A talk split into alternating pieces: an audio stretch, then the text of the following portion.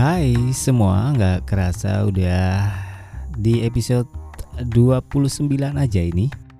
Dan balik lagi di Juice Podcast bareng gue Alex Jermain yang masih di gelaran 30 hari bersuara 2022 Kali ini dengan tema resesi dan Juice Podcast mengambil judul Resesi Global.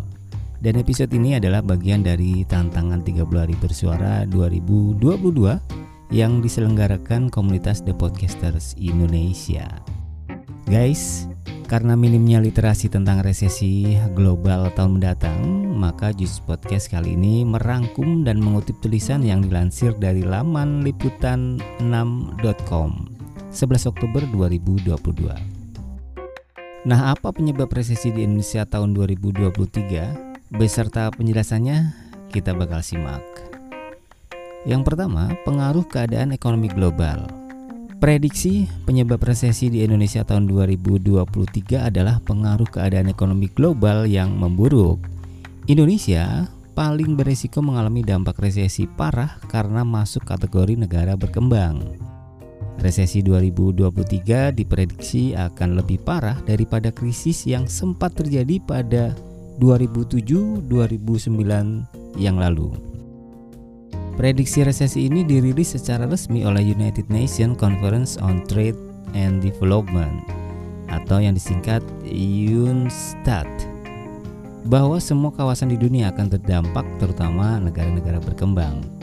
UNCTAD memprediksikan bahwa pertumbuhan ekonomi dunia akan melambat ke 2,5% di tahun 2022 dan jatuh di angka 2,2 persen di tahun 2023 Mengutip dari laporan resmi Yunstat pada Rabu 5 Oktober 2022 Data Yunstat pun merilis data Indonesia akan menjadi negara pada tingkatan kedua di negara G20 yang paling rugi dalam hal kehilangan potensi ekonomi.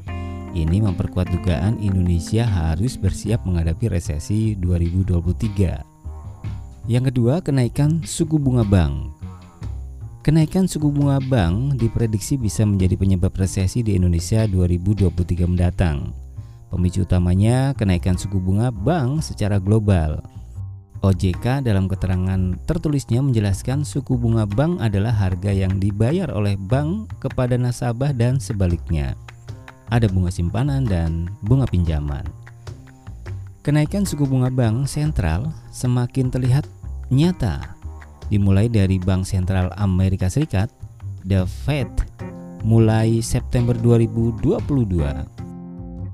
Kemudian Bank Indonesia turut menaikkan suku bunga 7 day reverse repo rate sebesar 50 basis point atau BPS menjadi 4,25 persen beserta menaikkan suku bunga deposit facility sebesar 50 BPS menjadi 3,5 persen sedangkan bunga lending facility naik sebesar 50 BPS menjadi 5%.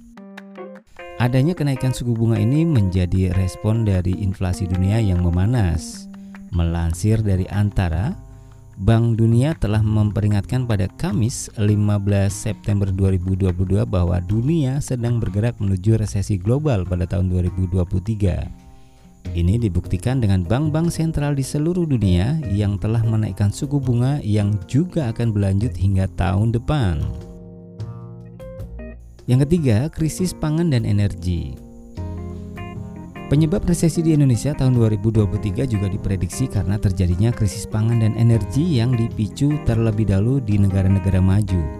Krisis pangan dan energi akan menjadi penyebab resesi di Indonesia karena kegiatan ekspor impor pasti akan dibatasi. Presiden Jokowi dalam sambutan pembukaan Disnatalis ke-59 Institut Pertanian Bogor secara virtual pada Kamis 1 September 2022 mengungkap krisis kemanusiaan benar ada di depan mata. Sebanyak 345 juta penduduk dunia di 82 negara mengalami kerawanan pangan yang sangat serius. Jokowi menyampaikan kenaikan indeks harga pangan global sudah mencapai rekor tertinggi. Begitu pula biaya logistik di jalur laut melonjak tiga kali lipat. Krisis pangan yang menjadi penyebab resesi ini dipengaruhi perubahan iklim dan dinamika geopolitik global seperti konflik Rusia dan Ukraina. Meski demikian, menurut data dari Badan Pusat Statistik (BPS), tren sektor pangan di Indonesia masih berada di posisi aman. Akan tetapi, tidak untuk krisis energi seperti BBM karena Indonesia masih impor. Kondisi kenaikan harga BBM dan LPG non-subsidi di Indonesia tidak bisa dihindari karena imbas dari tingginya harga minyak mentah dunia yang sudah melebihi 100 US dollar per barrel akibat perang Rusia dan Ukraina. Kondisinya cukup berbeda dengan energi listrik, karena sejatinya Indonesia masih mengandalkan PLTU dengan batu bara. Ada lima negara, Belanda, Jerman, Austria, Denmark, dan Swedia yang mulai mengalihkan kebutuhan gas untuk pembangkit listrik ke batu bara dengan mengaktifkan kembali PLTU. Hal ini dilakukan karena banyak negara sudah membatasi impor dan mengamankan pasokan energi masing-masing. Yang keempat, ketidakpastian pasar dan utang. Prediksi penyebab resesi di Indonesia 2023 selanjutnya adalah adanya ketidakpastian pasar dan utang yang menghantui baik dari pengusaha, negara, atau pribadi. Ekonom Indonesia Strategic and Economic Action Institution, Roni P. Sasmita, kepada liputan6.com menjelaskan ini berpengaruh dari terjadinya pelemahan permintaan atas komoditas ekspor nasional banyak negara yang menjadi destinasi ekspor Indonesia cenderung menurunkan permintaan seperti Amerika, China, dan Uni Eropa. Selain ketidakpastian pasar, risiko penyebab resesi di Indonesia juga dipengaruhi oleh utang. Ini bermula dari ketidakpastian keadaan seperti pandemi COVID-19. Lalu, tak hanya dipengaruhi oleh kenaikan suku bunga, melainkan dipengaruhi pula oleh sulitnya pemulihan ekonomi global. Menteri Keuangan Sri Mulyani dalam pembukaan Finance Minister and Central Bank Governors Meeting G20 Nusa Dua, Bali pada Jumat 15 Juli 2022 mengungkap sudah ada banyak negara berpenghasilan rendah berada dalam kondisi sulit karena utang. Kemudian, negara berkembang lainnya memiliki potensi tak mampu membayar utangnya tahun depan. Tercatat, Bank Dunia baru-baru ini menerbitkan laporan statistik utang internasional. Tercatat Indonesia masuk dalam daftar 10 negara teratas dengan utang terbesar dalam kategori negara-negara berpendapatan kecil.